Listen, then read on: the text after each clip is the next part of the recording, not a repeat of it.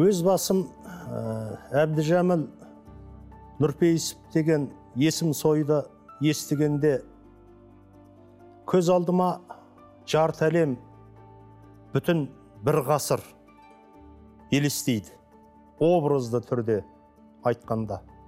Бұл кісі сонау мұхтар әуезов бастап сәбит мұқанов тұйықтаған алыптар тобының ортасынан шыққан.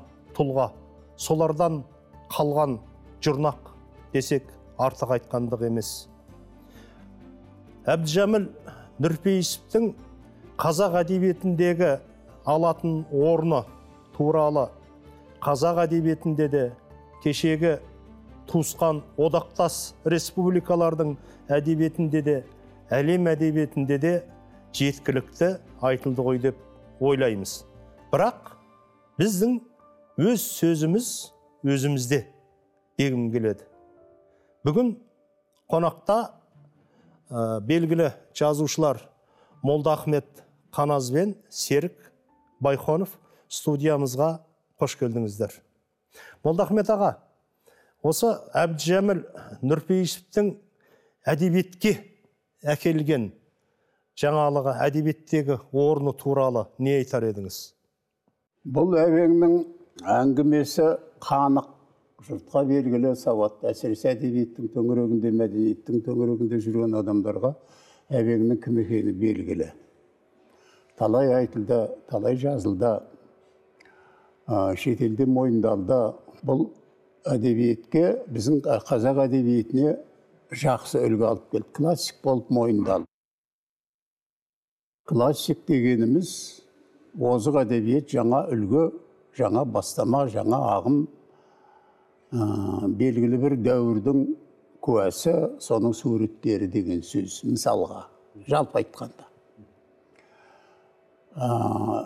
Бұл әбекеңнің ең бірінші қасиеті әдебиетке өте адал ең бірінші қасиеті. Ә, ат үсті қарамайды бар жанын салып қарайды. Бірінші ұлы классиктерді әдебиет жасаған классиктерді құрметтеу әдебиетті құрметтеу. Сонан кейін өзінің шын мағынасындағы ә, әдебиеттің кәдімгі қара жұмысшысы. Былай сыпайылап айтқанда қара жұмыс тайынбайды қайтадан жасай береді. Бір кішкентай деталь айтып кетейін. Бір ә, пойызда бірге болдық. Әңгімелесіп еркіндеп еді өзі мінезі қызық адам. Әскерге барғанда шала сауатты жас бала мектепті бітірмей дұрыс бітірмей шала шала бітіріп содан әскерге кетті штабта отырып ә, бір офицерлер үлкен кітапты оқып жатыр дейді. Сосын бір кезде мен оқығым келеді ананы қараймын бір кезде кітапты лақтырды дейді. Боқтап жай лақтырған жоқ боқтап лақтырды. Сосын жаймен қолым босаған кезде қарадым бұл война и мир екен оқи бердім оқи бердім оқи бердім ана сіңіп кетті маған қорытындылап айтқанда бүкіл классик мен өзім жеке өзімнің пікірім енді ә, осы осы кісінің творчествосын былай жүйелеп қаралап қарап былай шамалы былай жүйелеп қарасам бұл кісінің стилінен шекспир аңғарылады ане жақта толстой көрінеді шолохов көрінеді. Бұлармен тоқырап қалмай қазіргі ә, заманғы жақсы әдебиетке дейін мына мына мына мына недегі соңғы парыздағы. Біз соңғы оған да айтамыз ғой соңғы парызға келгенде уже дүниежүзінің әдебиетіне ә, психоанализ деп айтады. Өзін өзі қамшылау қанағаттанбау өмірге деген көзқарасын қалыптастырсам не істеп не жақсылық жасағанда да соған қанағаттанбайтын кейіпкердің бұл енді батыс әдебиетінде бар. Кейбіреулер енді басқалау әңгіме болып кетеді кейбіреулер енді соны тікелей көшіріп алады. А бұның синтезінен өткен санасынан өткен әбекең жаңа әдебиет алып келді мына соңғы парызбен. Жаңа жазу стилін алып келді. Классикалық үлгіні меңгерді. Ә, ешқандай дәу жоқ. Секе сөз сізде. Сіз енді біраз уақыт ә, осы біз талдап отырған бүгінгі жаңағы молдахмет ағамыз айтқан ә, соңғы парызды жазған кезде қасында болдыңыз. Ә, ақсақалға көмектестіңіз. Қолғанаты болдыңыз. Ә, біздің көзімізбен біздің сөзімізбен айтқанда сіздей бақытты адам жоқ. Әбекеңнің классиктігі оның алыптығы ол бөлек әңгіме. Оны жастардың ештеңе де жоқ. Қазір осы қазақ әдебиетінің айналасында жүрген өте мықты жігіттер. Ішінде әуезовпен қатар қоятындар көп. Кейбіреулер жоғарыда қойғысы келеді. Әуезовпен. Ал енді қолынан шыққан он том шығармасы бар. Сол он томменен бұл қазақ әдебиетінде әуезовтің деңгейіне көтерілді. Бұл бірінші еңбек екінші еңбегі шын мәнінде де майлин кетті жүсіпбек кетті ілібалардың бәрін жойды әуезовтің өзі қашып жүрді москвада шықпа жаным шықпа деп елуінші жылдарға дейінгі айқайдың ішінде білеміз қалай болғанын дәл осы кезде қазақтың талантты жазушылары шын мәнінде де жазуды қойған заман болған бір мезгілде біз енді алпысыншы жылдан бастап осы әдебиетке араласып келе жатырмыз ғой біздің кезімізде осы дөң асқан деген жақсы роман болды. Сосын түйелі адам деген осындай осындай әр кітап құбылыс тұғын курляндиясы келген кезде дүниеге. Ел шын мәнінде де таңғалып қалды. Бұл жаңа әдебиет қой. Бөлек бөлек әдем келді ғой деп. Сол кезде мен қан мен тердің ымыртты оқып бірінші кітабын төртінші класс оқимын. Мен түсіндім. Бұл әдебиет қандай болу керек екенін қандай деңгейде болу керек екенін сол кезде. Бұл кісі әбеңнен кейін ғана мынау шындап келгенде мағауиндарда әбіш кекілбайда ә, сәкен жүнісовтер де өзінің сұмдық шығармаларын осы әбеңнің қан мен терімен жарысып да, жазды деп ойлаймын жаңа деңгейге көтерілді. Ал енді соның ішіндегі мұның соңғы парыз деп жүрміз ғой. Осы кітабы әбеңнің шыңы. Мен қан мен тердің де үш редакциясына қатыстым. Ал енді соңғы парыздың төрт редакциясына қатыстым. Ең бірінші кітап сексенінші жылы шыққан. Дәл осы соңғы парыз әлем әдебиетінде осындай деңгейдегі шығарма жоқ. Мен біраз оқыдық қой. Ма- мақтап жүргендердің барлығын дәл бүгінгі таңдағы кітап тіптен бөлек. Бұл кітаптың алғашқы аты сен болды одан кейін соңғы парыз болды одан кейін сондай да бір түн болған бір күн бір түн болды иә менің қолымда орысшасы да тұр иә и был день и была ночь дейді иә иә мен осы төрт түрі шыққан төрт басылымның төртеуіне де редактор болдым сіз мына кітабыңызда соның барлығын жазыпсыз ғой енді бұл түгел емес бірақ дегенмен де міне Иә. алып пен қалып деп аталады соның әбекеңнің әл- қазақ әдебиетіне қосқан жаңағы көркемдігінен бөлек әбеңнің өмір баяны оның енді үшеуміз де жазушымыз ғой. Бізге оның шеберлігі керек бізге мас- ма- шеберханасы керек қалай жұмыс істегені керек. Жұмыс істегені бұл әдебиет институты деп есептеймін мен. Енді осы жерде мен айтқым келіп тұрғаны мына кітапты бүгін алып келдім да. Мынау сондай да бір түн болған деген әбеңнің ең соңғы шыққан кітабы. Ең соңғысы мына жерде жазылған жауапты редактор серік байхонов деп маған айтты қол қойып берді бәрін де. Осы кітап әр бетіне қол қойдырып алдым. Осы кітап соңғы рет жазғаным деді. Тура жас тоқсанның біріне келген кезде. Одан кейін осы қазір кітапты 97-те тоқсан жеті. Жастау кезі ғой. Жастау кезі мен бұл кітапты деді серік сенің фамилияңды қоямын. Бұл кісі жалпы редактор қой- қойғызбайды фамилиясын. Сен осы кітапқа жауаптысың деді да маған мен барлық кітаптарыма жауаптысың соңғы классикалық вариантына қол қойып бересің қа- қарайсың бір жылдың ішінде бір жарым жылдың ішінде енді міне кітап тұр да. 2015 жылы шыққан ең соңғы вариантында әр бетіне қол қойған шыққан енді осы кітапты шыққаннан кейін шыққаннан кейін маған соңғы вариантында берген. Иә соңғы нұсқа деп берді. Соңғы нұсқа деген бұл канондық нұсқа деді ғой. Болашақ ұрпағыма жолдауым енді тимеймін деді да. Мен айттым аға сіз осыны төрт рет қайта жаздыңыз дедім да төрт рет. Әр жазған сайын күшейіп бара жатыр енді осыдан қойсаңызшы дедім. Әбекеңнің жас кезінде 90 94-те шығар мына неге жазушылар одағына бардым? Бір, бір жұмыста бір шаруалармен бардым. Әбекеңге барайын телефонын алайын десем сартылдатып машинка қан мен терді басып жатыр бір қыз. Бүйтіп жаймен қарадым қан мен терді қайттан басып жатыр әбекеңнің телефонын алдым да үйде бар ма екен деп келінге звондап барсам кабинетінде етпеттеп көпшіктің үстінде қан мен терді қарап жатыр мына жағынан басып жатыр ана жұмыс істеп жатыр. Үш жүз сосын енді бәрі қолынан алып не қылмаймын ғой енді. Аулақ. сосын әңгіме басталды андай мындай қан мен терді қарап жатырмын дейді мен сосын енді адам күлкілі әңгіме ғой.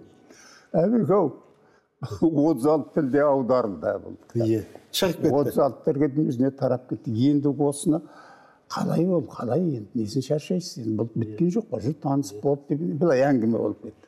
Сосын жайменен жай қолына ұстап отқан кезінде көзімде менің нашарлау бірақ қарадым ана сенсең сен сенбесең ғой үш ұмытпасам.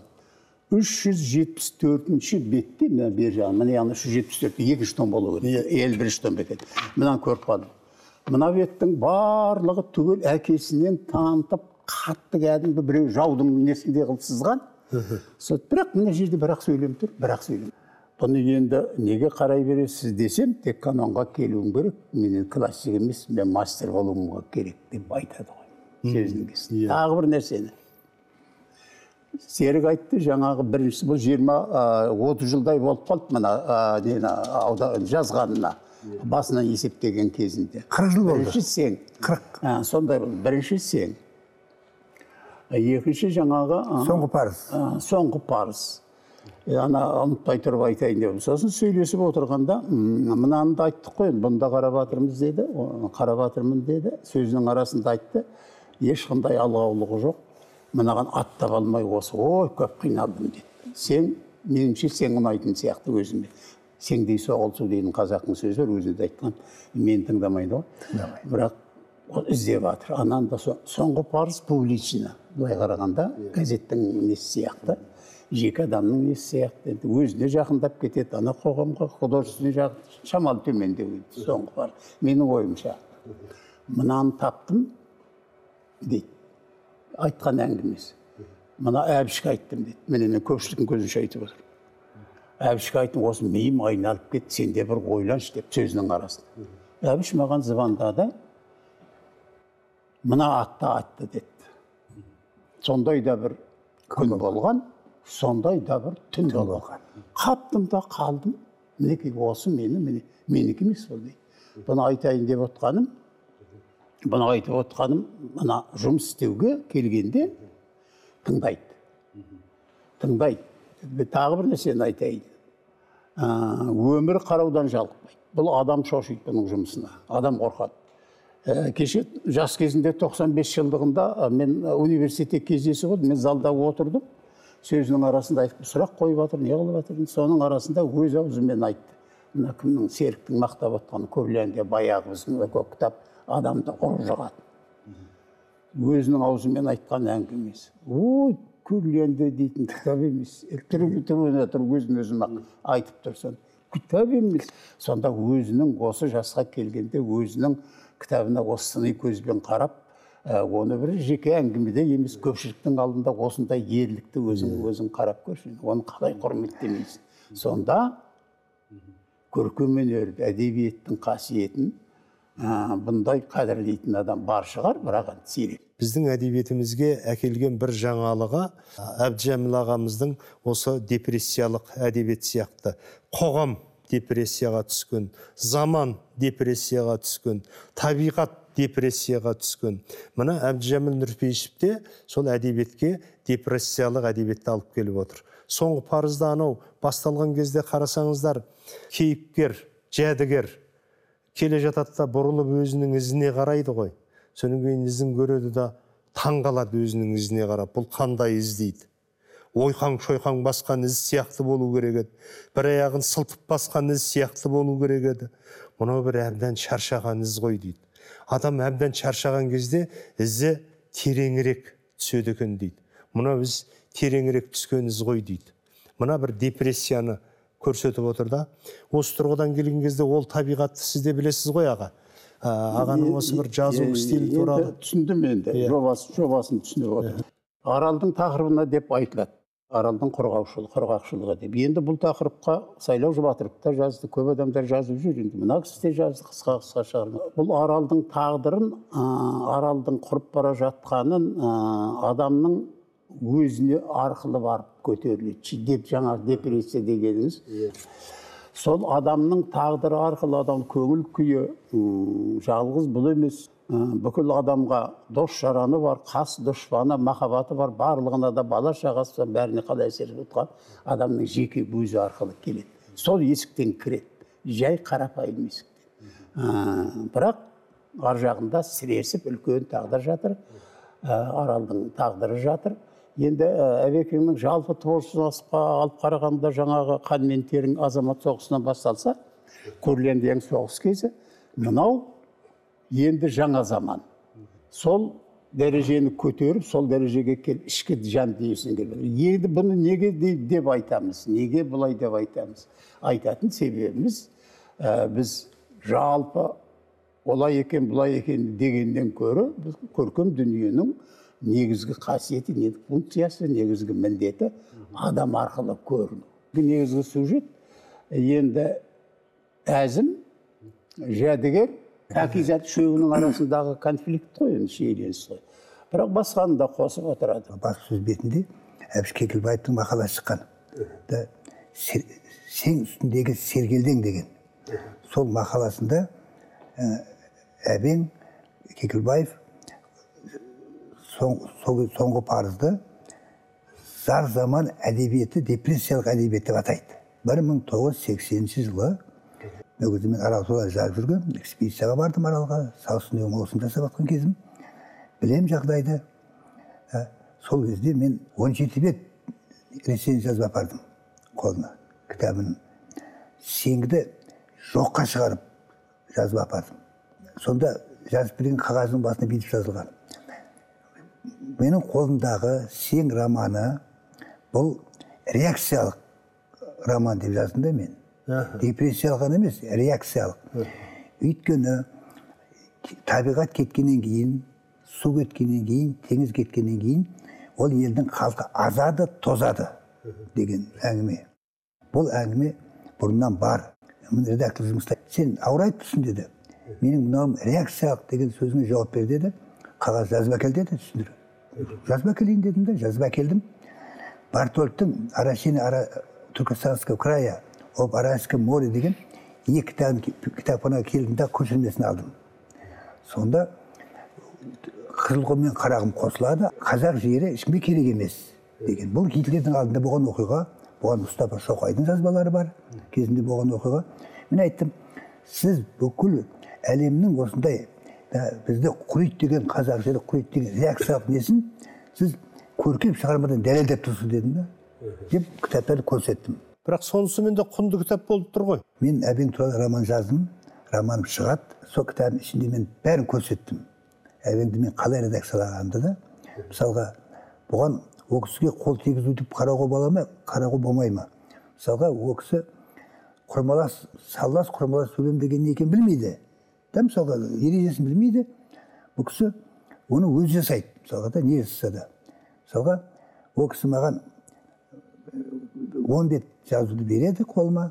Сосын айтады мынаның ішіндегі сабақтас құрмалас сөйлемдерді сен саллас құрмалас сөйлемге айналдыр дейді. Оны өйтіп түсіндірмейді мен бірақ түсінемін да оның не айтып тұрғанын. Сонда мен шартты бағанақылы сабақтас құрмалас сөйлемді бүкіл редакциялаған беттерімнің бәріне соның бәрін шартты бағын құрмалас сөйлемге айналдырып шығамын. Мысалы мен ғана түсінемін қазақстанда да. Енді қырық жылға созылып қолтаңбасын деңіз. қолтаңбасын ол майдағы бір затты адам түсінбейді. Мен тұтас беттерді да тұтас беттерді жасадым. Ал енді нақты болса мен ертең романнан оқисыңдар көз тірі кезінде мен әдейі шығардым мынаны үзіндіні салдым қолымды қойдырып алдым. Ішінде екеуміздің қалай редакциялағанымыз бар. Бір күні кел деді больницаға больницаға барсам жеңгем екеуі неде жатыр аяқтары шалдың аяғы сынған кемпірдің қолы сынған ажардың. Мәз екеуі де қуанып жатыр да не мына жазсын десем дәл мына бетті мына кітапты алған да, қайтадан оқыған. Бір кезде кімнің жәдігердің аяқ мұзға тығып алатын жері бар емес па? Сеңге тығып алып арғы бет секіріп бір аяқпен шығады қан қан болып жатыр да. Дәл сол жерге келген кезінде орнынан атып тұрғандағы да міне өнердің құдіреті де тоқсаннан асқан шал оны секіріп тұрғандағы да өзі ура! деген сөз жақсы көреді молдаға білесіз ғой? Ура! деген жақсы көреді атып тұрғандағы ура! деп секірген ғой өлмесін деп сол кезде аяқ кірт етіп та аяқ сынып кетті. Біздің талдап отырғанымыз және сіздің редакциялауына қатысқан шығармаңыз әбдіжәміл нұрпейісовтің соңғы парыз атты романы ішінде публицистиканың элементтері болған күннің өзінде де бүгінгі күннің әдебиетіміздегі үлкен ә, жетістік болып есептеледі ғой. Бірақ дегенмен де де бұл қанша депрессиялық әдебиет десек те молдахмет аға жазушы қанша дегенмен де гуманист халық қой. Бір кішкене үміт қалдырғысы келеді. Оқырманға бір үміт сыйлағысы келеді. Бағанағы молдахмет ағамыз айтқандай негізі үш төрт кейіпкердің төңірегінде өрбиді ғой оқиға. Анау сарышаяларда басқа балықшыларда айтпаған кезде біреу жәдігер бас кейіпкер әйелі бәкизат оның бұрынғы махаббаты әшім өмірдің қиын жолын таңда, таңдаған ә, туған жерімен аралмен тағдырын байланыстырған жәдігер өмірдің жеңілдеу жолын таңдаған өмірдің мына қара тіршілігінен гөрі ақсүйектік жолын таңдаған кішкене қолы таза жерде жұмыс істейтін ғылым жолын таңдаған. Қазір екі оттың ортасында қалған отқа түскен көбелек сияқты бәкизат. Міне осылардың арасындағы оқиға. Бұл жердегі жәдігердің ауыр тағдыры балықшылардың ауыр тағдыры анау балықтың жоғалып бара жатқаны теңіздің тартылып бара жатқаны экологияның бұл жердегі ә, қасіреті ә, бәрі бар.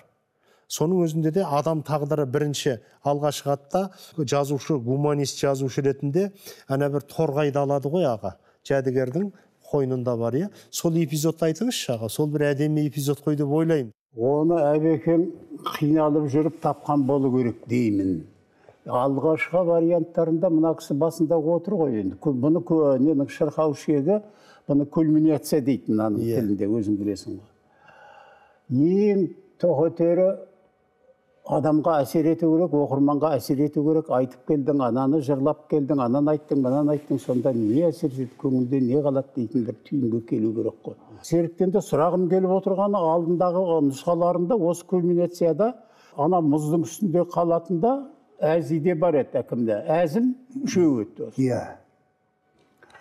Ә, сосын ә, бұнда енді әзімді алып тастап та жаңағы шолақ қасқырды алып келіпті әбекен иә.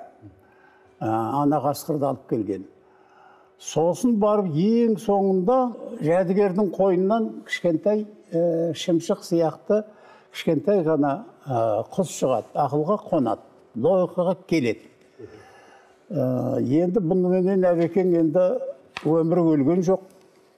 Қанша қиындық болғанменен арпалысқанмен жұлысқанменен ә, сүрінгенменен адам адам болып қалады тіршілік жалғасады. Біз кеттік мінекей. Ә, ана өлең айт шырқа деп біз кеттік енді. Біз осы боларымыз болды бояуымыз сіңді. Енді өмір өлмесін. Арман қарай жалғасын дейтін орысша айтқанда оптимистік рухты аяқтайды. Ол торғай тәңірбергеннің да ауылын сабатын жері бар ғой өзінің бастап келетін қан мен терде иә сонда бір торғай ұшып жүреді ғой. Қайта қайта да аспанда. Ол бір деталь да бұл торғай әбекеңнің үш кітабында бар. Ол күтпеген шешім емес.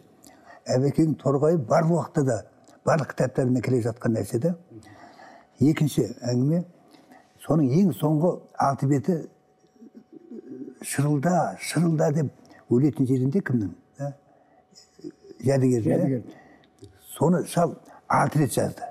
Мен алты вариантта тұр да бірінен бір өтеді мен айтамын аға жақсы ғой мынау болды ғой десем да болған жоқ дейді. Ең аяғында алты рет жазғаннан кейін бір кезде бірінші вариантына қайтып келді. Бір күні қарасам төртінші вариантқа қайтып келді да. Бірінен бір өтеді. Мен содан кейін қысқарып жүрген бүкіл шығармалардан қысқартқан жерлері бар ғой. Екі бет үш бет төрт беттен қысқартқан жерлерін бәрін бөлек жинағанмын күндердің күнде әйтеуір жас балдар өсіп келе жатыр ғой. Да? Біреулер зерттеген кезінде ішінде өте жақсы. Қандай шедевр эпизодтарды қысқартқан дейсіз? Өте жақсы нәрселер бар қысқартқан.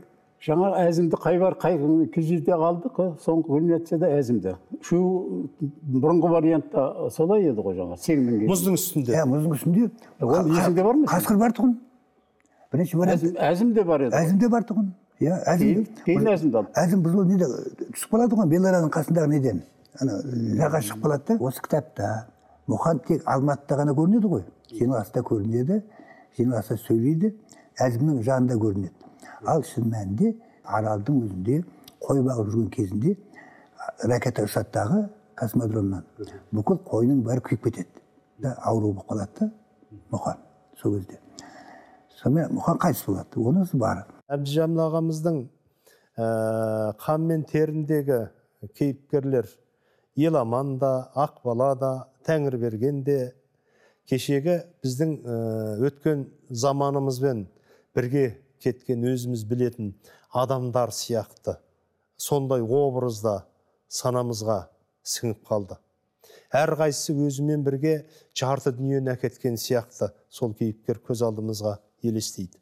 Соның барлығы мына жаңа заманда жаңа қоғамда жаңа өмірде ә, жәдігер болып қайтадан оралды. Жаңа заманның кейіпкері болып оралды. Біздің кейбір жазушыларымыз ескі таптаурын жолынан арыла алмай бір кітабынан бір кітабының айырмасы болмай жатқан кезде әбдіжәміл ә, ағамыз 80-нен асып 90-ға қараған жасында осындай жаңа заманның дүниесін жазып шықты. Егер әлем әдебиетіне алып шығатын болса бұл әңгіме бұл романды осындай бір жаңалықтары арқылы да бағалайтын еді деп ә, ойлаймын. Және соған әбден лайықты кітап еді деймін. Лайым қазақтың үлкен тұлғалы жазушысы алыптар тобының арасынан келген біздің арамызға жұрнақ жүз жасасын деп тілейік кітап оқыңыздар ағайын.